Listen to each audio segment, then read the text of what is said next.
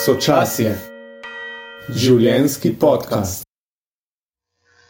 Danes smo imeli priložnost v svojo sredo povabiti dr. Tomaža Erzarja, profesorja z teološke fakultete, zakonskega družinskega terapeuta, ki deluje in je soustanovitelj študijsko-raziskovalnega centra za družino v Ljubljani. Tomaš je človek široke perspektive, ki se je poglobil v rane naše družbe, nastale med drugo svetovno vojno in po njej svojim razmišljanjem izziva in tudi daje nekatere odgovore na probleme v svetu in odnose v njem. Živijo, Tomaš, pozdravljen. Pozdravljen, živijo. Dobrodošel tukaj eh, z nama. Sem prav vesel, da se tako uh, srečamo, mogoče še v eni taki drugačni obliki, uh, kot smo sicer. Za začetek.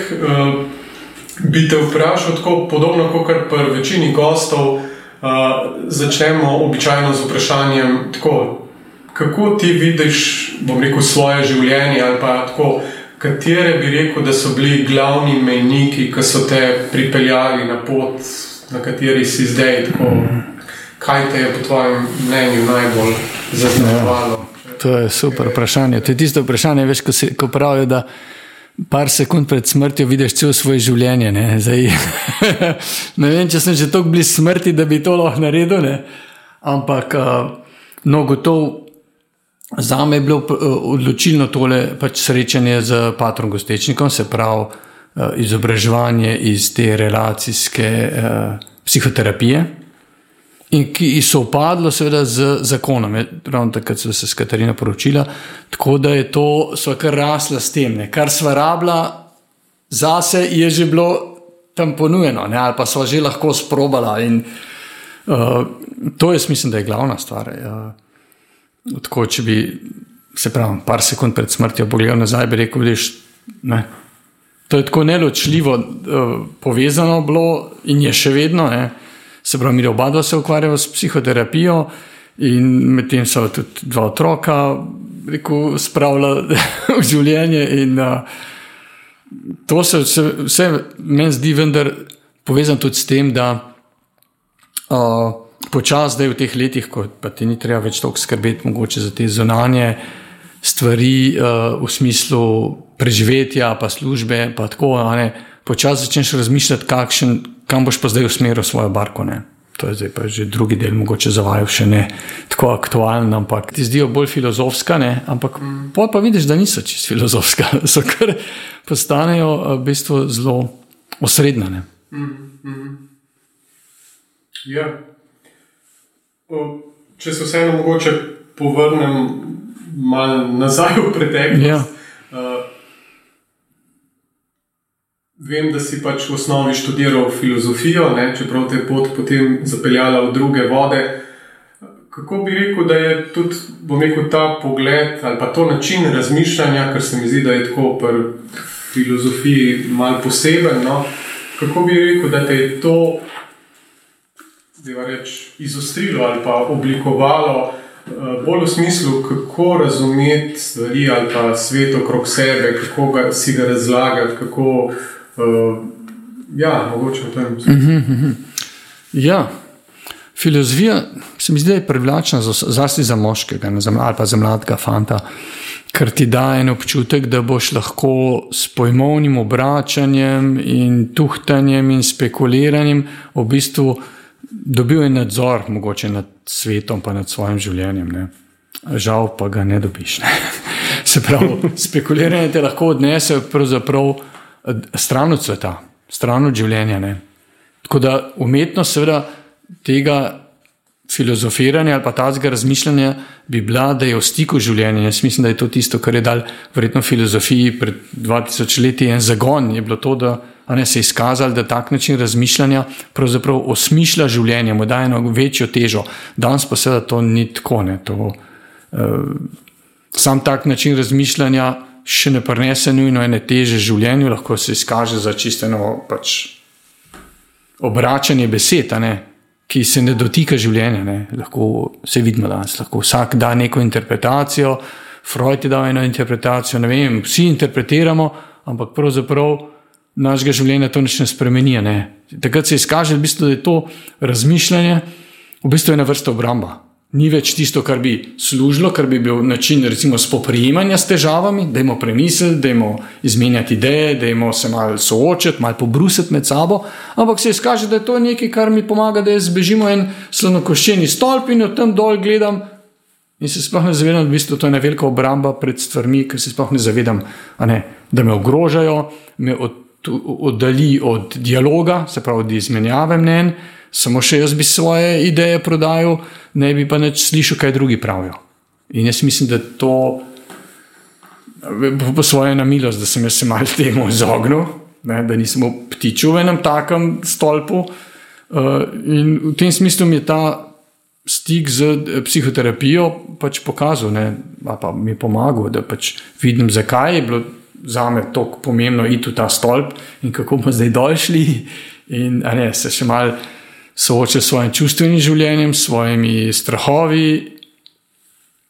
In, in, in na ta način pač gledam tudi na to, no, svojo pot. Da je bila pač filozofija, vendar ena oblika, bom rekel, malo narcisistične obrambe, če tako rečem, čisto domače. Ne, mislim pa domače. Ampak tega, ne, da pač si vrval sta svoj ego, čisto domače povedano. Ne. In da, hvala Bogu, da ga ni treba več. Ne, da si lahko bolj odprt. A pa to bolj ja. kot izjema, um, ko ste se zaznali, da, uh, da ste en redkih, ki gre v ta slonokoščeni stolp, ali je še kdo drug na tistem oddelku filozofije šel z vami gor? Oziroma... Oh, jaz mislim, da to velja in za naš oddelek, in za vse oddelke na tem svetu. Ne. Jaz mislim, da to je zelo univerzalno. Ne. V smislu, da. Ampak le se mi zdi filozofija vseeno malo specifična. Kot mi je bilo dobro slišati, ta, da ti daje občutek, da imaš nadzor, da v resnici veš, kaj se v tem življenju dogaja in ja. ti boš pa že vedel, kam zaplut. Um, je to tako um, redko na tem oddelku, da pridejo s tako ambicijo študentje? Ne, jaz, se pravi, jaz mislim, da je to splošno. Da, da odnegdaj je tako bi celo rekel, da filozofija odnegdaj je imela ta čar ravno v tem, ne, da če pogledamo Platona ali pa Aristotela, ne, to se pravi, da ti imaš v svoji glavi razumevanje stvari in da ljudje prihajajo k tebi in te sprašujejo in ti jim pojasnjuješ in to te seveda potem ne, malo dvigne nad njih in ne imaš svoje učence, imaš svojo čredico. To je, mislim, se skozi držal filozofije. Kolikor se je tudi skozi držal e, filozofije, ta očitek, v bistvu je to samo sofistika. Ne? To je tak izraz, ki se je že pri Platonu pojavil. In to je, da se ne more otresti tega, da je to ena manipulacija, ena spekulacija, ki zavaja ljudi in nima stika z življenjem. Ne? Tako da filozofija je vedno bila ne, na eni tanki meji, ali pade v to drugo, da je sofistika. Nekaj, ne, sofistika to je bilo učitek temu, da to je samo za denar. Uh mhm. -huh. To je samo zaradi tega materialnega dobička, pač neki domnevni modreci zavajajo mladino ne, in pač obljubljajo nekaj, pa nič ne dajo. Ne. Mislim, da je to v filozofiji ali pa rekel, v takem načinu razmišljanja, pa interpretiranja ali komentiranja stvari, dogodkov, to je večno. Danes, ni, ni samo v polju filozofije, imamo v vseh poljih imamo ljudi, ki prodajajo neke svoje komentarje. Hmm. Včasih sede, včasih ne sede. Ne? Se čez čas kaže, da je bil ta čisti šarlatan, ne? pač prodajajo neko idejo desetkrat v desetih knjigah. Ampak da ni ponudil ljudem ali pa mladim generacijam, pa res ene poti naprej, enega modela, ki bi jim sledili. To se šele čez čas pokaže. In, uh, se pravi, če za me osebno je bilo to, se pravi, pot ven iz tega labirinta. Ne? No, to, to je tako ena tema, ki jo zelo zasleduje z Matejem. Kaj je ta kakovost bivanja, ne? oziroma kaj doprinese in tako meni na prvo žogo zveni, ker ja, seveda malo moš pa poznati te filozofije, kako so razmišljali v Grčiji, kako zdaj, kaj, kaj so te smeri filozofske, da potem najdeš tisto pot, ki je pa zate in potem boš pa pač nekako bolj vedel, kaj, kaj je zate dobro. Um, in, in mi je tako. Um, mogoče celo malo kontraintuitivno, da, da potem nekdo, ki gre to študirati, reče, da, da v bistvu je mogoče celo malo obratno, da ko greš to študirati, da se zaveš, da nimaš te gotovosti. Um, hkrati pa me zanima, ta psihoterapija je prišla kot še neka analiza tega cel, cele poti vaše. Uh, to pomeni, da ste šli študirati in da ste se zavedali, kaj za vas to pomeni. Ja, uh, najprej mogoče na ta prvi del. Uh, če pogledamo, če bi jaz vas vprašal, dajte se spomnite enega filozofa, ki vas je res zaznamoval, ali pa ki ste ga z veseljem brali, dvakrat, trikrat, razmišljali o njem. Potem se izkaže, da so to v bistvu filozofi, ki so bili tudi malo umetniki. Se pravi, še niče, ki je tam nekaj več kot samo eno spekuliranje, pa razlaganje. Marksa danes sem ben več ne bere. Kdo bo bral tistih 300 strani kapitala? Ne, neka spekulacija, gor dol.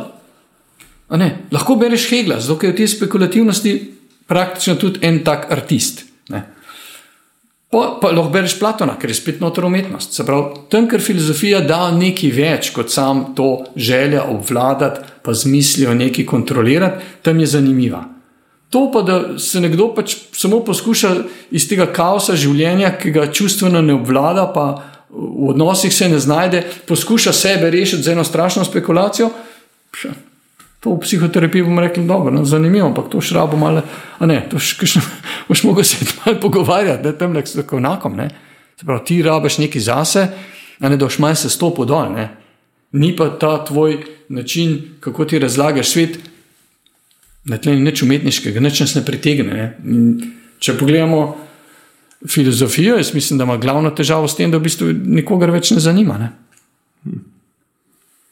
Ne, dobro, tako medijsko imamo lahko enega, enega žiška, pa enega, ki nekaj razlaga, ampak to je moda, ne? čez, čez par let bomo imeli enega drugega. Da bo pa čez 30 let nekdo rekel, le, kaj je on dal svetu, ne le rekel, to je zanimivo povedal. Jaz mislim, tega ne bo več. Ne? Ne, ker to komentirati filme, pa to malo obračati levo, desno, to je zanimivo, ampak to je za 10 minut. Ne? Tvojega življenja pa ne bo nagovorilo. Medtem ko filozofija hoče, ali pa nekje v jedru ima to, da bi, da bi s to mislijo spremenila način življenja, da bi, da bi ne, ljudje videli, kako je tam ne samo nekaj resničnega, ampak nekaj, kar ne, ima eno, eno globino, eno modrost ne, in, in pretrese svet v celoti. Ne. To je ena velika ambicija, ki pa ne, filozofija ne more izpolniti. Tako da to psihoterapija, seveda, je pa čist drugotne. Pa potrebovala kar nekaj časa, da se je otresla te spekulativnosti. Recimo pri Freudu imaš še tega, da, da, da razumeš tam deset strani, rabiš ne vem, en teden. Ne? Zato, ker to je to, kar jih, ja, pa če je to tako, pa tako, pa tako, da to, kar je enega racionaliziranja, to, kar je enega uh, razglabljanja, ti pa ne veš, kaj je čustven temelj tega, ne? njegovega razglabljanja, ker pač nimaš posnetka, nimaš materijala, da bi, da bi videl, da bi preveril, o čem sploh govori, da tisto potem čez brez veze. Lahko je tako, lahko je tako. Lahko je zdaj ta nagon ali unagon. Ja, ampak kako to zgleda? Kako je to empirično preverljivo? Tega pa nimaš. Počasi se je otresla, jaz mislim, psihoterapija, zlasti v Ameriki, tega, da moramo mi zdaj obvladati in da je to neke vrste nova filozofija, neka nova, nov pogled na svet. Meč tega ti ni treba. Človek trpi, a si mu sposoben pomagati ali ne? Ne, pa v redu. Pa si filozof. Če mu pa lahko pomagaš, kakorkoli, vedensko, kognitivno, medosebno, eh, ne vem, z meditacijo, ni važno, ampak si mu pomagal, v redu. Po, po, tebe rabimo, rabimo tiska. Ne? Tako da tukaj je šlo zelo narazen. Ne? In, uh, jaz mislim, da v korist ne, pač psihoterapije, da se je otresla te psihoanalize, pa teh nekih globalnih vprašanj, ampak je šla na to, da pač ljudje trpijo, imajo težave v odnosih, ne vejo, kako iz tega ven. In tukaj je psihoterapija pa res odkrila eno modrost, za razliko od filozofije, ki je pač zanemarila čustva, zanemarila odnose, se pravi, šla v ta slovenski stolp, psihoterapija je šla pa če dalje bolj na vzdolj, če dalje bolj na to, a ti lahko ljudem pomagaš. In se pokazati, da ja, lahko. Kako? No, to so se pa ta vprašanja odprla, navezanosti, da smo ljudje narejeni za odnose. To, kar je rekel za filozofijo, 50 let nazaj še čist, ne, Sartre rekel, drugi to so pekel. Oja, ja, prosti Sartre, zate so drugi pekel. Ne. To, ampak to je bila ena cela eksistencialistična srednja, ki se je v tem našla, drugi so pekel. Ne. Človek je vržen v svet. Ne? Eksistenca mu šam še ostane, esenca, se pravi tisto presežno, s tistim se ne more nič pomagati, v bistvu je vržen svet, svet je brez smisla, ljudje so indiferentni drug do drugega. To je vzdušje druge svetovne vojne, oziroma tega časa po drugi svetovni vojni. Medtem ko na drugi strani, recimo, medtem ko se filozofija s takimi vprašanji ukvarja, gre psihoterapija v to sistemsko, se pravi, povezani smo. Otroci se uglasijo na to, kar je pri starših. Če pri starših bolečina, so otroci srečni ali pa jezni.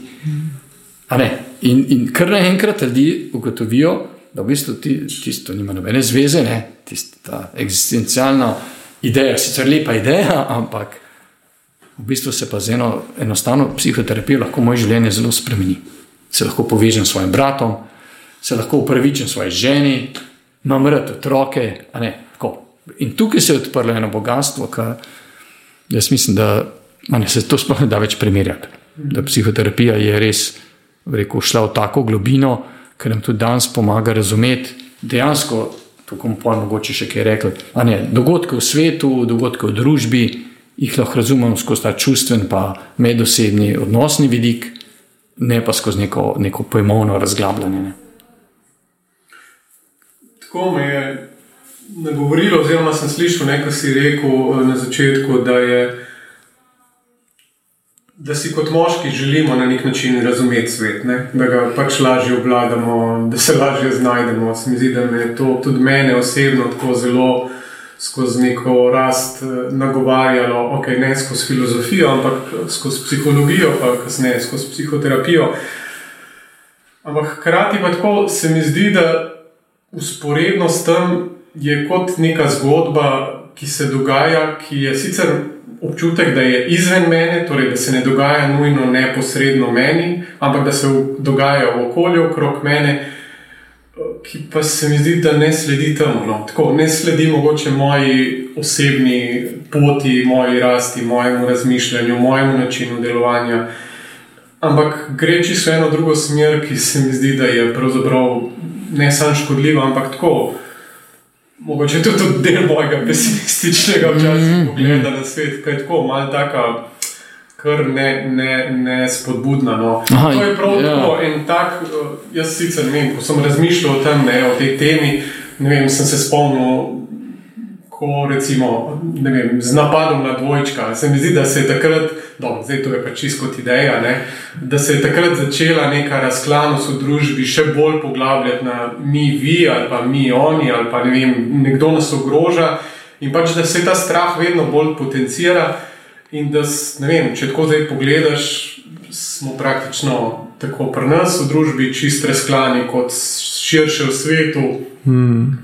In tako, je kar težko, mislim, to, to videti in biti ob tem doživljati to nemoč, ker se ti zdi, da tudi če ti sicer na svoji osebni ravni lahko nekaj narediš, da se to na družbeni ravni ne pozna ali pa premalo pozna, da ni neke zavesti v ljudeh, ki so odgovorni za družbo in za njeno delovanje.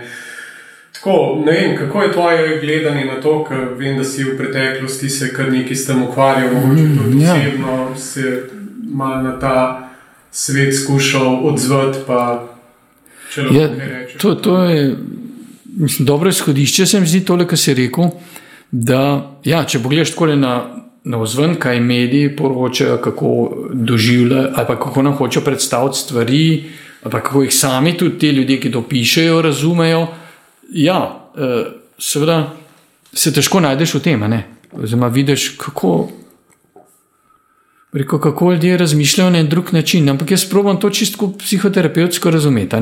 Zdaj, ko frustracija v svetu narašča, seveda naraščajo tudi ekscesni dogodki. Ljudje teže, teže prenašamo frustracije in potem začnemo, seveda ta naša. Glava začne to, tudi kot so rekli, pač je en obrambni mehanizem, kako začneš to pol črno-belo gledati na svet. Ne. In vse te polarizacije, se mi zdi, ki se zdaj dogajajo, so odraz te malce večje frustracije. Mislim, da je večje, zelo večje. Hmm. Se pravi, eh, globalizacija je povzročila, da se ta strah in pa stiska po svetu širi hitreje. Ne, ne, da ti zveš čez eno leto, ti zveš čez deset minut za eno stvar, ali pa še hitreje, zveš čez deset sekund. In to za naš način procesiranja teh strahov in uh, misli in idej, v bistvu je to prehitro. In to nas potem frustrira, tega ne obvladamo več. Uh, no, se tudi prej nismo, ampak tega sploh se ne da temu slediti.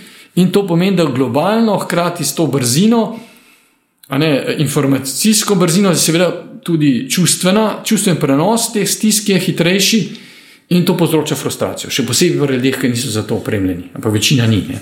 Se pravi, zdaj reakcija na to je črno-belo slikanje, polarizacija, ta je kriv, un je kriv, kar je, jaz tako čisto preko terapevtsko razlagam, ampak da to nima nobene teže.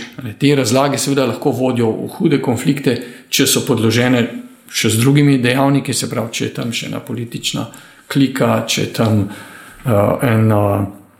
Uh, pač, če je tam orožje, ne, če je tam druga stran, ki je pripravljena to vzeti ne, za, za res. Uh, ampak se mi zdi, da to ne, ne spremeni dejstva, da to, kar se je zdaj odkrilo, ali pa reko, prišlo ponovno v spredje, da ljudje smo namenjeni eni povezanosti med sabo, da samo tukaj najdemo svoj smisel in svojo polnost, ustvarjalnost življenja, to ne zbriše tega. Pač te konflikte. Te konflikte so pač ekscesi, upam, da so ekscesi, ali pa jaz sem prepričan, da so, da temelj je pa postavljen, temelj je odkrit. Se mi zdi po dolgih, pa ponovno odkrit. Ne? In uh, tega se ne da zbrisati. Jaz razumem tudi vse dogodke in tole 11. september, pa zdaj vojno. Pa, ne razumem kot ene izzive, ki tega temelja ne morejo pretresti. Vse lahko je vojna, lahko se odvije, ampak še vedno bodo tudi po vsem tem ljudje ugotovili, da tako kot smo mi po drugi svetovni vojni, pač rabili 60-70 let, da smo ugotovili, kaj je prava resnica te vojne. Ne? ne to, da je en zmagal, ne to, da je en usvojil neko zemljo ker ga ni, ne, ker ga mora dati slejko prej nazaj. Si vzel baljske države, jih daš nazaj, ti je hudo, ampak tvoj problem. Ne. Ne, življenje je močnejše od tega, kaj je nasilje sposobno, rekel, kratkoročno ugrabiti, zadržati. Nasilje nima te dolgoročnosti, nasilje je tako, kot vemo, pač v terapiji. Nasilje, jeza, to so kratkotrajne zadeve, ne. Rešujejo eno stvar v merjeno v sekundah, naredijo na škodo, ki jo sicer zdraviš deset let, ampak tam v teh desetih letih je moč. V tisti drobnem ekscesu ali pa kratkoročnem ekscesu ni nobene moči. Čeprav se zdi, wow, ogromna škoda narejena, seveda je. Ne. Ampak uh, ta škoda ima globoke korenine. Tisti eksces, tudi če ga ne bi bilo, bi še vedno tam ostala ena huda, huda bolečina ki je treba zdraviti. Tako jaz pravim vse te konflikte, pa vse te razdeljenosti videti kot znak tega, kako globoko so ljudje pač ranjeni, ne, na kakšen, rekel, dosti nefunkcionalen način poskušajo to spraviti na drugo stran ne, in, in uh, gledati črno-belo. In to je samo nekaj, kar nam da vedeti. Pač ljudje so pač to hranjeni. Ni drugega, pač, ljudje, ki tam. Uh, obtožujejo in gor in dol. Ne, jaz pravim tega ne, ne vzeti dobesedno. Ne. Seveda, eni so fašisti, eni so nacisti, eni so neonacisti. V redu, ja, pač uporabljaš ene besede, neč hudega, ne, ne veš, kaj pomenijo. Ampak vidim pa, da si jezen, pa da si frustriran, ker ne moreš pač te svoje nemoči, nimaš, ne veš, kaj bi znal narediti. Ne. In tega je ogromno. Ne. Tega v vseh družbah je ta polarizacija se povečala, povečal se je ta preko vtis razdeljenosti, razklanosti, ampak mislim, da je to samo vtis. Nekaj globok je pa življenje zasidrano v odnosih in to, te ekscesije, mislim, da ne morejo, ne morejo zatresti, ker to bi bilo nekaj proti naravi. Ne. Vedno pa pač imamo en, rekel, en porast tega, tega uh, uh, jeznega, konfliktnega razmišljanja in delovanja. In jaz mislim, da človeštvo še ni bilo v eni taki situaciji, ko bi cel, ko bi tako, rekel, globalno se mi tega zavedali, koliko smo drug z drugim hkrati povezani in lahko vsako stvar pač obrnemo ali v to, da pol zemlje očistimo, ne, ne mislim, genocidno spraznemo, kar nam bo sigurno uspelo, ja. ali pa začnemo videti, da to je to. Ni druge zemlje, samo to je če bomo sodelovali, če bomo tole jezo poskušali spraviti v malo bolj ranljiva čustva, začeli govoriti o sebi, potem bomo dolgoročno čisto v redu živeli na tem planetu. Ne? Tako je to pravno gledati, zelo optimistično. Zelo optimistično, mene prav tako, tako enega straha, ka, o, če bi saj šlo v to smer, ker občutek je, kot da so tam neki palci na nekih rdečih gumbih, ki lahko streljajo neke te nuklearne konice, pa da bo mogoče že jutri se kakšen ta vele veljak odločil razstreliti še eno Ukrajino. Um, In si, in si tako rečem, da je ta ekstremna količina teh informacij, ki so tesnobne, zastrašujoče, nekaj povsem novega, pa se to drugače manifestira pri nas, ali naprimer v primerjavi z nekimi stvarmi, ki pa so se zgodile dejansko v tvojem družinskem, recimo bližnjemu sistemu, teta, stric, brat. Um, torej, imamo neke rane, ki jih nosimo iz naših, iz naših logov, iz naših vasi, kjer smo odraščali. Um, kako to doživljamo, hkrati pa kako doživljamo to, kar se pa dogaja 500 km ali pa 5000 km stran, ampak je vsak dan na poročilih 10 sekund stran je ta informacija. Ne? A se to kaj drugače zapisuje v nas, a, je, um, a so ene rane bolj globoke, bolj resne, bolj resnične za nas? Kako je vaš ja, pogled? Ja, to je, to je res eno, eno globoko uh, razmišljanje ali pa vprašanje, ja, kako so te dogodke, v bistvu, ki jih ne kontroliramo, nimamo nobenega vpliva na njih, lahko nas zelo, zelo prizadenejo. Ne? Uh, no, 11. september je ena taka stvar, ne? ti imaš lahko zdaj. Brata, sestra, lahko si samo v eni stavbi in bomba poči, in te ni več, ali pa si življenjski invalid. Uh, Uh, zdaj, kako to razumeti, kako boš s tem živel naprej, gotovo potem stvar res tvojega ožjega sveta. Ne. Ti ti ga ne kontroliraš. Ne. Ampak v življenju je veliko stvari, ki jih ne kontroliramo, ne samo te, ki nam zdaj grozijo, ali pa ki se zdi, da jih nekdo pač s temi grožnjami hoče nekaj doseči. Ne. In tisti, ki grozi, ponovadi je zelo šibek. Ne. Tako da to tako razumem. Ne. Se lahko groziš, ne vem, če jim lahko groziš, da boš vse uničil. Ja, ampak si še vedno en mehen fantek, ki grozi, da zdaj, ki ni dubo sladoleda, bo vsem sladoled iz rok zbil. Ne? Vse ni drugega, ta fantek je mal večji. Ne? In zdaj ima mal večje orožje, ampak nekje v globini to nas ne zadeva. Ne? Mi lahko razumemo to ranjenost ali pa to patologijo v tem človeku, ki je pač seveda okoli sebe ustvaril potem na celo kliko, elito podobnih ljudi. Ampak to ne spremeni dejstva, da je to en mehen fantek ne, s, hudo, s hudimi deficiti in uh, obrambami. In če bo nas prizadelo, nas bo pač prizadelo, ampak to ni nič osebnega. Kot jaz mislim, da tisto, kar se nam zgodi, jaz malo spomnim tisto, ko pravi svetem pismu. Ne, Da, a zdaj, ko se je stolp na njih podaril, to pomeni, da so bili oni e, večji grešniki, da so si to zaslužili. Prav, ne, nima veze. Tako približen je odgovor. Ne, ne lej, je pač padel stolp. Ne. Vsak bo mogel iz tega sam najti smisel. Ni zdaj to stolp se je podaril na vas, pa nuklearna bomba je prva eksplodirala, zato ker ste vi to pa to pa to naredili. Ne. ne. Vsak posebej bo mogel najti iz te katastrofe, ki se mu zdi na ključna, bo mogel najti nek smisel, da bo lahko šel v življenju naprej. Ne, to je to za vsako travmo lahko te avto zbije, lahko te to. Ne vem, kaj se lahko zgodi. Da če v nek globalen smisel tam takoj začel iskati, ne? aha, viš, to se mu je pa zato zgodilo, ker je včeraj preklinil, ne? ali pa ker je včeraj, ne vem, ni tri svečke pažgal, ki bi jih mogel. To je magično razmišljanje, to je v eni stiski pač iščeš smisel. Ampak ta globok smisel najdeš seveda samo v tem ožjem okolju, najdeš uh, v svojih odnosih, pa sebi. Uh, Ne bo ti pa pojasnil, zakaj je nekdo rekel, sprožena vojna ali pa z avtom zbil enega otroka. Ne, tega ti ne bo pojasnil. Ne. S tem pač živimo, s to nepredvidljivostjo, ki jo da svetu to, da pač vsak lahko, da je svoboden, ne, da, da tega ne nadzorujemo, kaj se nam bo zgodilo. A bo živel 100 let, a bo živel 50 let. Tako se je spravno to razložiti, ne, da, da so te stvari več ali manj eno, eno trpljenje, ki ga človeštvo pač povzroča drug drugemu, ne hoče včasih na ključno, včasih namenoma. Kaj bomo s tem trpljenjem naredili, seveda, rabimo pa eno, eno močnejšo oporo, kako to razumeti. In to dobimo pa samo v, v, v odnosih, ne teh bližnjih odnosih. Svet nam ne bo tega razložil. Ampak tako ena naravna, se mi zdi, človeška drža je, vsaj jaz si odgovarjam ja. po nekem povezovanju. Torej, da si tudi z ljudmi, s katerimi imaš konflikt, si želiš ta konflikt zmanjšati ali ga razrešiti ali poiskati neko razumevanje.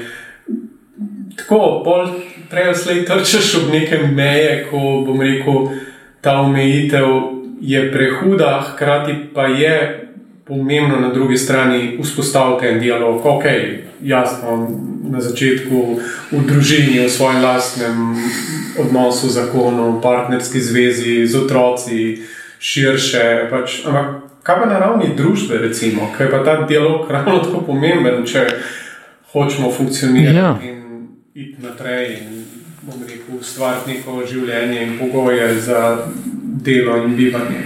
Ja, uh, gotovo. Gotovo, tudi za ljudmi, ki so še tako, rekel, že malo patološke, ne, je treba biti v dialogu, če ne zaradi drugega, zato da pač veš, kje smo. Ne. Zdaj, razumeti vse te ekscese je zelo pomembno. Ne. Še prej, oziroma hkrati, ko gremo v dialog, moraš seveda vedeti, kaj pričakovati. Če greš ti kot en zahodni politik, tam Putinu se pogovarjati, ti moraš vedeti, zakaj greš tja. Ne. Če ne veš, te bo nesel. Ne. Zdaj, to se dogaja, ne? potem te naivni zahodnjaki hodijo tja, sem tja, ne ve več, ali bi se odinil, ali bi grozil, mal bi se odinil, mal bi grozil. Pa vidiš, da to je pač zelo, zelo slabo opremljeni za rekel, dialog z enim takim človekom. Ne? Ti moraš biti opremljen, moraš vedeti, kaj pričakuješ, poslušati, kaj govori, razumeti. In potem boš lahko reagiral tako, da boš ohranil dialog, hkrati boš dal vedeti. Ne, da, ne kaj se bo zgodilo. Ne? In moraš vedeti, kako s tako patologijo ravnati. Ne? In to, gleda, da se to iz druge vojne nismo naučili, vse tam so bile ravno tako pa te patologije, ki se jim je dal če dalje več prostora, in potem, ko se pa enkrat to požene, pa ne moreš tako hitro zaustaviti.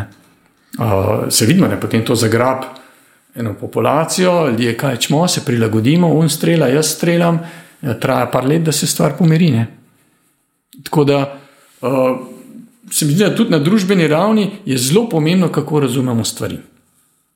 Razumemo zdaj vem, Kitajsko kot močno in se bojimo, in se pa tem nekaj mi še delamo močne, ali pa če razumemo, da je to en sistem, ki temelji pač vendar na prisili in da vsak sistem, ki temelji na prisili, pač je notranje zelo šibek. Nima, ne more vsega potencijala tega. Potencijala za povezovanje, za sodelovanje, ne more aktivirati, ker ga v bistvu skozi uničuje. Ne? In potem, seveda, da bi preživel, rabi zunanje ekscese in to počenja. Ne. Vsak tak režim to počenja, se pač zapleta z drugimi, ne. hoče še ta otok, hoče še un, hoče še, še, še. Zakaj? Če te po redu, zakaj bi si neki šel, pa neki lastil, pa svoje ljudi prekrajšal za ne vem kakšno življenje, v imenu tega, da čez sto let bomo pa mi imeli tam, veste, bomo bom, bom, bom imeli pa cel morje. Ne? Ampak dobro, to je ljudje, pa da zdaj bodo tri generacije uh, šle v noč, to pa ni tako pomembno. Ne? Se pravi, to je treba videti. Tisto, kar se mi zdi, da zmanjka v tem razumevanju družbene situacije, je ravno ta zasidrenost v to, reko je na tako, mogoče res terapevtsko ali pa čustveno držo, ki razume dogodke malo globje kot to ne, kar slišimo, grožnje, pa to, pa ne bo tega, pa ne bo onga.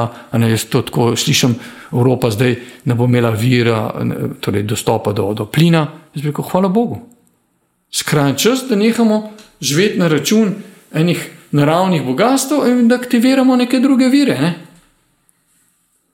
Tako da, ne, če tako razumeš, potem ti ni težko reči, da ja, je v redu, pa pač ne bo plina. Ne. Hvala Bogu, zato ker s tem nekaj zelo pomembnega sporočamo vsem ljudem, vsem narodom, ki hočejo pač izsiljevati za surovinami. Glejte, to vas ne bo srečno. Mogoče, da smo vas do zdaj izkoriščali surovine, je zato za nas dobro, da nehamo, da se naš življenje spremeni v tem smislu, ne, da se malo vrnemo k naravi, pa malo gojimo ne, tudi uh, lokalno pridelavo. In hvala, ker ste nam dali to spodbudo, vi pa kar majte prenos. pa karkoli. To je, to je priložnost. Ne? Lahko pa vidiš tako, da ja, pač prekrajšajo se nas za naš način življenja, ampak naš način življenja je bil balan.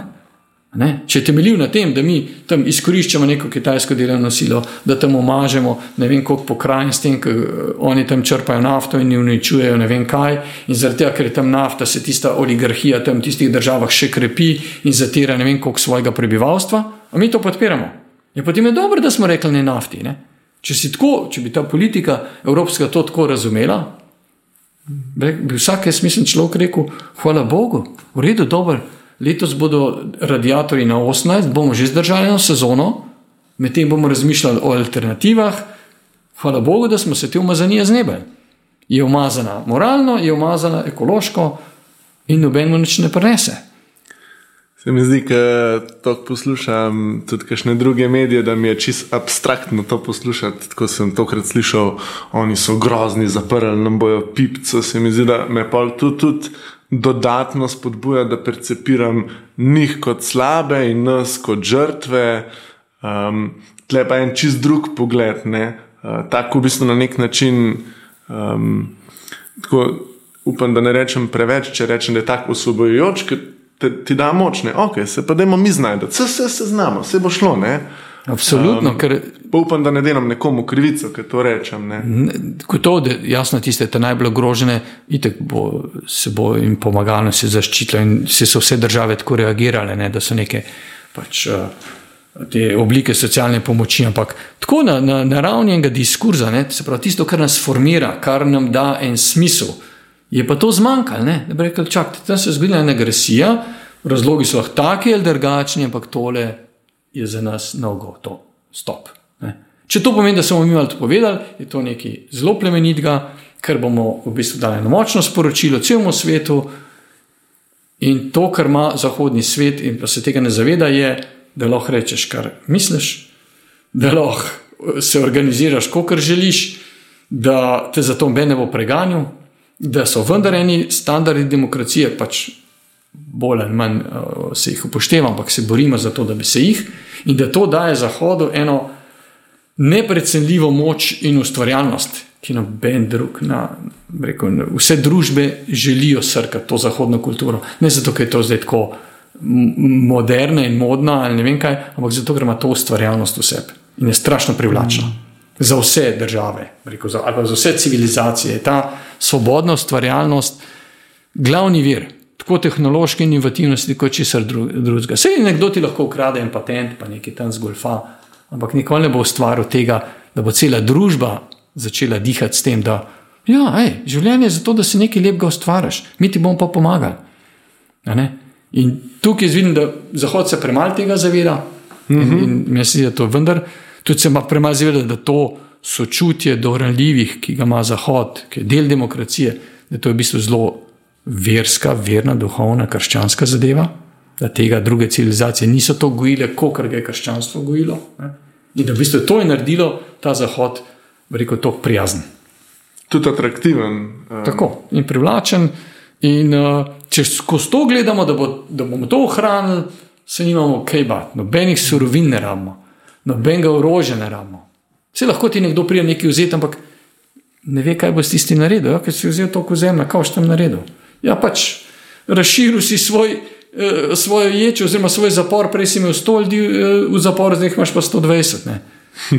In od tega se jih bo 80 počasi zbežali čez mejo tja, kjer bodo lahko normalno živeli. Vse te države se praznejo. Te države stalno izgubljajo svoj najboljši potencial, ki gre kam, na ameriške, evropske univerze, in te, ta potencial se ne vrača več tja nazaj, razen če ga prosilijo. Hmm.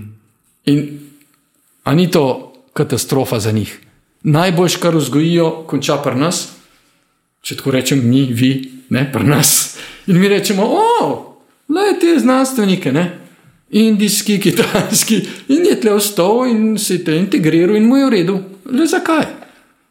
Le zakaj? Ker potem je pa vse, tam pa nafto, pa vse pa visoke stavbe. Pa, ej, pa raj tle le zadovoljen z enim mehkim stanovanjem v bloku in. in uh, je zadovoljen in otroke bodo v te šole, ne une. Tako, rekel, jaz sem se to naučil z druge svetovne vojne, ne boš s prisilo nič dosegel, nikoli nič. Samo to, da se ti bo populacija spraznila. Kar se dogaja, če tako pogledamo na globalni ravni, kaj se je dogajalo v zadnjih, ne vem, po drugi vojni, imamo čisto izpraznjenje preko vzhodnih pa azijskih uh, držav, ne, verjetno še, še za Afriko, pa tudi Južno Ameriko.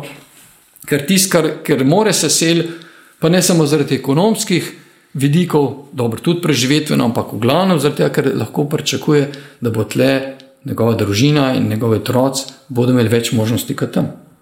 In to je ena velika demografska, rekel, uh, šahovnica, ker ne, tega, ne vem, kako da tega ne vidijo. Ne?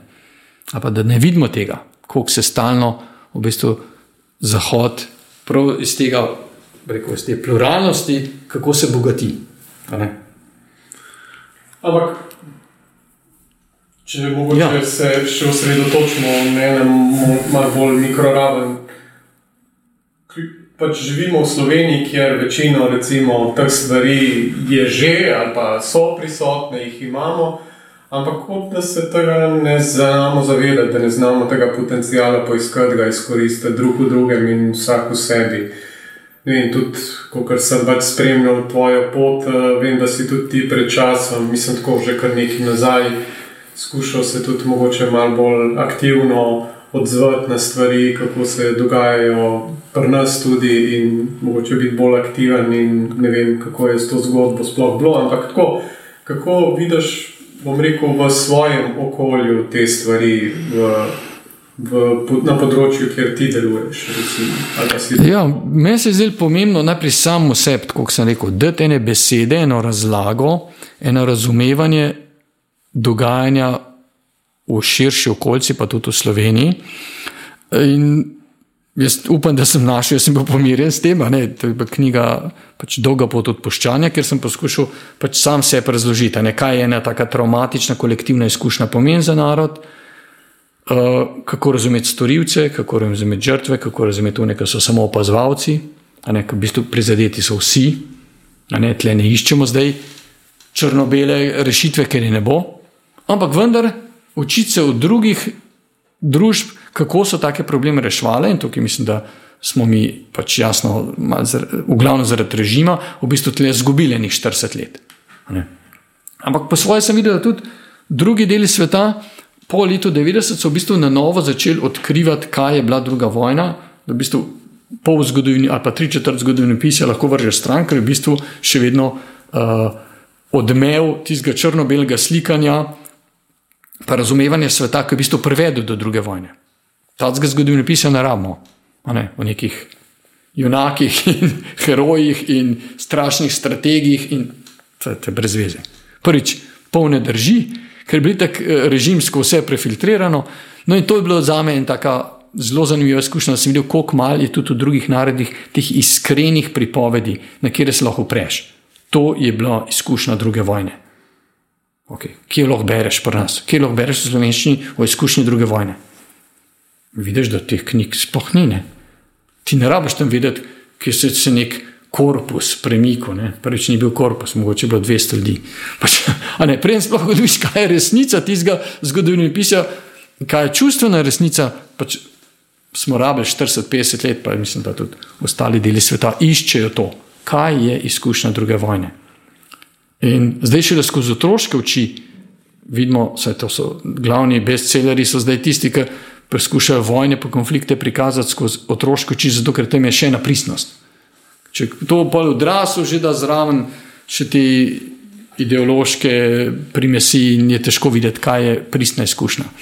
No, ampak te knjige, ko, ko govorijo o drugi vojni, pač govorijo prav o tem, uh, ne, da v bistvu koliko je bilo ene povezanosti med ljudmi, da tam, ki se je preživel, da je bilo to najlepše. Koliko je bilo v taborišču največji peko, je bilo to, ne da so te spravili v taborišče, da nismo zajesti, ampak da so se med sabo uh, skregali. Se pravi, da tisti žrtve med sabo so se rangirale in žrtve med sabo so ustvarjali tisti peko. Ne toliko celotna zadeva, da se ti tam znašel, ampak to, da ti je tisti bližnji, s katerim si se pogovarjal, lahko kruh zmaknil ali pa ukradel žlico. To je tisto, kar kaže ravno to, kar smo rekli. V tem mikrookolju ti rabiš eno varnost, pa boš pa tudi z makrookoljem se dosti lažje boril. Tako sem jaz tudi razumel, da eh, je treba postaviti en model, tudi če ga ne bomo resničili, ampak model mora biti. Tako kot je bilo drugot, priti moramo do resnice, se v tem ment, eh, čim več rabimo teh iskrenih pričevanj, in potem počasi, počasi se bomo začeli pogovarjati na neki duhovni ravni, seveda, si moramo pa tudi odpustiti. Ne. Tako, rekel, to je, ne rečem, da se bo to uresničilo, ampak to so tisti narodi, ki so šli po teh korakih, so jih utrdili, so empirično preverjeni, to ni neka fantazija. Ne, vidimo te ne, procese v Južni Afriki, na Irskem, so šli po tej poti, čeprav so malo zastali, pa spet, pa, ne, ampak pokazalo se je, da se to da rešiti. In da se da rešiti samo na ta način. Pravi, da greš to globoko razumevanje storilca, da ga ne demoniziraš, dobro, razen patoloških, ampak da začneš počasi razločiti to, kar se zdi kot ena fronta, skupna, ne, to je sovražnik, to je en paket, homogen, včasih to razgradiš ne, in gotoviš, da se mogoče bi moj stric tam noter, moja teta, ali pa jaz bi bil lahko. V podobnih situacijah, če bi 18 let star, pa bi meni rekel to, pa to, pa to, ja, mogoče bi se jaz znašel v Hitlerju, mogoče bi se jaz znašel na eni strani. Ali, tako da začnemo to razgrevati, to, kar je takrat, seveda v konfliktni situaciji, se zdi zelo, zelo monolitno. Imamo izdajalce, imamo junake. A, sigurno. Koliko časa bomo teh zgodbic živeli? Ne, to je čisti, reko, manipulacija, ne, od tega ne moreš nič živeti, tam ni nič življenja, nič iskrenega ni noter. No, in to se mi zdi, da zdaj cel svet, pa Slovenija tudi gre po teh korakih, ne pač odkrivamo uh, preko vrednost teh pričevanj, če dalje več se mi zdi, da jih je, če dalje večjo težo imajo, uh, prav zato, da se ljudje počasi zavedamo, ne, kaj povzroči en tak razkol, kako nastane in kako ga tudi preprečevati. Če vemo, kako je nastal. Iskreno vemo, kako je nastal, ne tako, da je enkrat postal izdajalec, zato ker si ga ti za to razglasil. Najbrž ne, najbrž ima neke potrebe, najbrž neki razlogi, da si tako ravnal. Ne, ne, ne, ne, ne, on je tak bil že verjetno od rojstva. Ti si bil od rojstva heroj. Ja, bravo. Super razlaga, to nam bo pa res pomagalo. Se pravi, to je treba dati vse strane. In šele tam odkriti, kaj, kaj taki konflikti povzročijo, zato da jih znamo, rekel, danes ali pa sprot, takoj prepoznati. Če so neki znaki, taki, ki bi vodili v ene take, uh, rekel bi, tako grupiranje, v en tak elitizem, v eno tako demoniziranje ali pa dehumanizacijo nekih žrtev, uh, da znamo takoj reagirati. Če, če lahko tako zelo konkretno povabim, bodi si pri nas, bodi si na tej naši evropski šahovnici. Um, Že večkrat mi je prišel uh, ta grafit, ki tukaj sedimo v Ljubljani in mislim, da je tam ene dve ulici stran napisan, če bi bile volitve, uh, če bi volitve kaj spremenile, bi bile prepovedane. Um, a je to že neka percepcija, da je v resnici že je ta elita, da že je vse zmenjen, da je že ta grupacija, da so nekateri uniki, ki nas upravljajo, pa nas bojo pomečkali, ki nas izrabljajo. Mm, yeah. Kako, tako čist konkretno, ok, 80 let nazaj je bilo tako in vemo, da je bilo slabo. Kje pa smo zdaj in kaj, kaj lahko jaz in mi naredimo, da gremo v drugo smer? Mm -hmm. Tako bi rekel, da tudi ja. tam, no, ker se že vprašanje. Ja, gotovo je to en, en izraz tudi nemoči, ki jo en navaden človek doživlja v zvezi s temi globalnimi uh, procesi ali finančnimi, takimi drugačnimi. In da je nagnjen k temu, da bi to rekel, pač na tem nima nobenega vpliva in ga nikoli ne bo imel, in v bistvu je to načrtovano, da nima. To pač za me to je en izraz nemoči, pa ene stiske, pa malo tega nanašalnega razmišljanja, ne, malo tega zarotniškega, ne, češ da je neki proti tebi. Ja, ni proti tebi, je internet proti tebi. Ali je globalizacija proti tebi? Ja, seveda je, če si zaradi nje izgubil službo, ampak kaj ti pomaga tako razmišljanje? Ne? Elite so proti tebi. Ja, kaj ti pomaga tako? Mogoče da celo so, mogoče da so razmišljajo o tebi. Ali pa razmišljajo o svojem lastnem nekoristi, ne? kar bi bilo bolj razumljivo. Najbrž ne razmišljajo o tem, kako bo malo človeku. Še eh, ne, imajo dosti dela s tem, kako bodo gnarske spravili. Tako da. Gotovo, da tole uh, razmišljanje izraze ne hude stiske, ampak seveda tudi nerazumevne. Volitve so ena ogromna, ogromna pridobitev uh, in uh, volitve spreminjajo. Če ne drugega, to, da najprej gledaš enega, pa pa gledaš drugega. Volitve veliko spremenijo, dajo možnost, če nisi izkoristil, ostan doma, ne se pol pritužvati. Ne, mi imamo po zahodnem svetu imamo ogromno, uh, ogromno odstotek ljudi, ki ne hodijo na volitve. Ne. Zdaj, cilj je to, da pač te ljudi začutijo, da z volitvami lahko nekaj spremeniš. Zakaj? A dve tretjini ljudi pa hodi na volitve. Oni so pa ovce, ti si pa pameten, ki si doma. Se sploh ne zavedaš, koliko ene ne moči, kakšni preko stiski se kuhaš in potem prodajaš to svojo filozofijo, da so volitve brez veze, v bistvu pa je to izraz tvoje čisto osebne stiske.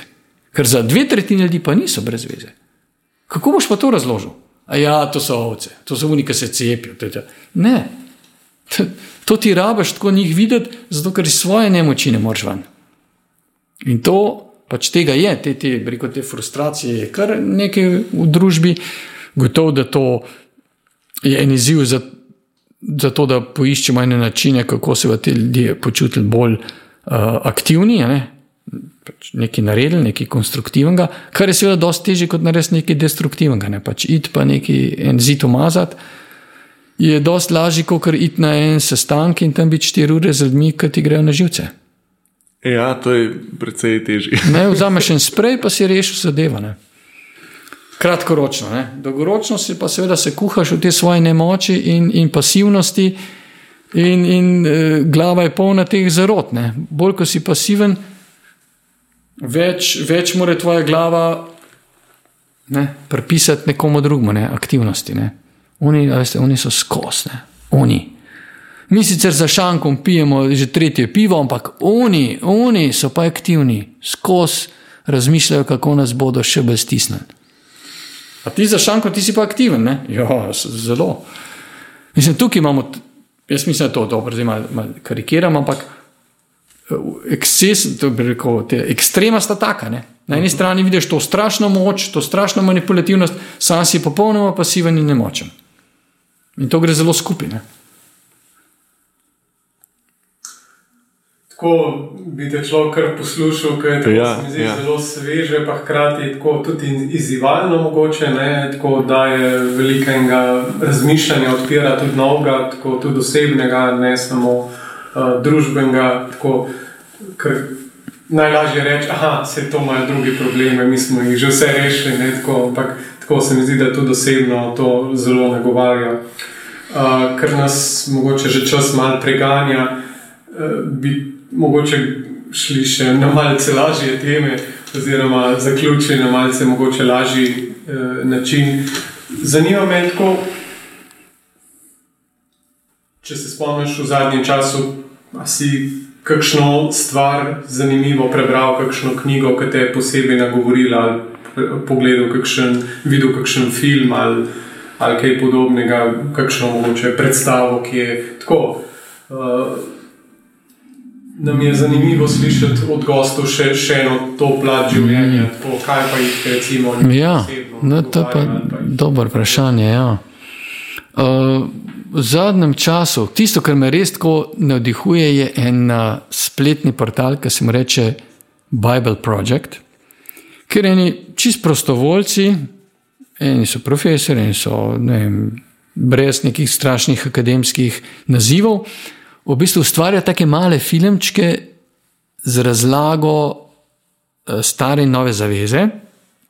In to je tako simpatično, da bi jaz rekel, pa ne more ti biti neošeč. Ne? Ker v bistvu nima nobene te moralistične pretenzije, niti nobene pretenzije, da bi nekoga spreobračali, da bi nekomu pamet solili, ampak sam hoče razložiti, da tam je eno bogatstvo, ene civilizacije, a ne, ki ima eno, eno moč, ki ima eno, eno, eno navdih, da je to razumeti. Ne. In jaz grem vedno tja in se odpočijem, to so take zgodbe. Ne, uh, recimo, bom dal en primer. Kako je nastal recimo, izraz Jehova, Jehova priča? Ne?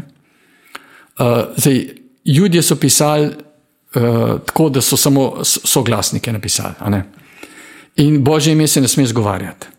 Zdaj pa, da bi vsak, bi prišel do tega JHVH, da bi vedel, kaj to pomeni, in da bi vedel, da gre za Boga, so potem dal noter od besede Adonai, ki pomeni gospodar, Lord, eh, se pravi uh, gospod, so dal noter besede v JHVH, so dal besede od Adonai. In tako je prišlo da bi vsak, ki bi to bral, ker to, to se je bral, svitke, v bistvu pa niso, ljudje niso tega brali, to je samo en bral in je govoril. Se pravi, zdaj, ko bi prišel do te črke, da ne bi rekel JHVH ali pa jaz sem, ki sem. Ker to bi umni poslušalci, čakaj, kje se zdaj stav konča, ne? kje se začne, ker to ni lastno ime. Ne? In potem je jaz, ki sem, eh, jaz, ki sem je rekel, ljudje bi bili zmedeni. Zato so, pa če bi rekel, JVH, JVH je rekel, je tudi neumno. Če pa rečeš, gospod je rekel, je pa vsakmo jasno. Ampak pisali je JVH. In zato so dali ta Adonaj noter, te, med te samoglasnike so dali od Adonaj soglasnike. In tako je nastala Jehova. Jehova, ki ne pomeni nič. Ampak je samo napačno branje. In se mi zdi, da je to zanimiva stvar, da imaš ti Jehove priče. Ne? Pa, pa je rekel, ja, veš, to je bil Jehova. Kdo je Jehova? To, to je samo tvoje nerazumevanje. To. Ker tam je samo JHVH ustavljeno noter z Adonaj, ki pomeni Gospod, Lord. Uh, uh, in da bi vsak, ki bi to prišel do tiste črke, do tega rekel, simbola, bi vedel, da mora reči: Gospod je rekel. Ker se je to bralo in potem je ta Gospod njim to pomenil, ker so prišli do tega znaka. Ne. In potem je iz tega nastal pač skozi zvočno, ker naenkrat eno novo ime, eno novo lastno ime, Jehova. to se mi zdi tako, wow, Ej, to bi me zanimalo. To bi me zanimalo, tako, ne, je, kako je to ta kultura uh, rekel, postavila en model tega uh, razumevanja sebe, sveta, uh, kar se mi zdi, da nas še zdaj inspirira in to je gotovo ta ideja, da to, kar je ustvarjeno, je dobro. Ne, to se mi zdi tako močno sporočilo. Nič od tega, kar je ustvarjeno, ni za stran, nič nam ni treba izločiti, uh, uničiti. Vse je ustvarjeno z enim namenom, da je dobro, da nam služi in da mi, rekel, sodelujemo pri tem ustvarjanju dobrega. Ne. Drugo je pa, kaj se je potem zgodilo. Ampak v raju je to tako, ne. mi sodelujemo z stvarnikom tega sveta, dan je nam v upravljanje, nam v, ne v izkoriščanje, ampak v upravljanje, da bomo pač vsi imeli nekaj od tega. To se mi zdi tako ena močna, uh, močno sporočilo teh, teh podkastov, oziroma videov, kar imajo. Ne, se mi zdi, da nam zdi, da greš novice gledati. Pač moš najprej malo to prebrati, pa pa še novice. Ne, tako da malo uravnotežiš to, da veš, da vse novice ja, poročajo o tem, kar je slabega v svetu, ampak vendar ta svet je bil dan nam v upravljanje, veselje, ustvarjanje. Ne. Prvo en tak povzdigojoč občutek, tako ob koncu. Um, res hvaležen za, za vse te besede, vse te misli. Veliko velik je bilo povedanega, veliko je bilo tudi danga za razmislek in um, mogoče nam bo namenjeno, da še kdaj skupaj sedemo in raziskujemo še mnogo. Uh, jaz bi tudi ob koncu čisto praktično vprašal, kje pa te lahko ljudje najdejo. Um, če želiš, da te kdo najde. Ja, ja, ja. Uh, drugače, jaz sem profesor na teološki fakulteti, ne? ampak uh, ta terapevtski center imamo pa tam pri Figovcu, to je študijsko raziskovalni center za družino. Uh, imamo tudi spletno stran, neke pač projekte. Uh, in če ljudje seveda rabijo kakšen svet ali pa pomoč, se vedno lahko obrnejo na nas. Šrcede. Šrcede, na kratko, ja, ja. Šrcede. Prav, Tomaš, hvala. Sem prav res vesel, da smo se srečali, da nam je uspelo se dobiti in tako se, se počutim, kot v dobrih starih časih, ko smo sodelovali, ko smo večkrat imeli kakšne take debate. Ja, enako, da hvala vama za povabilo in želim čim več takih izmenjav, ne, ker to, to nas zadnje. Nas obogatiti, ki smo govorili, da odpiramo en prostor enega drugačnega razumevanja sveta. In mislim, da to rabimo. Super. Hvala, da imaš vse dobro. Enako.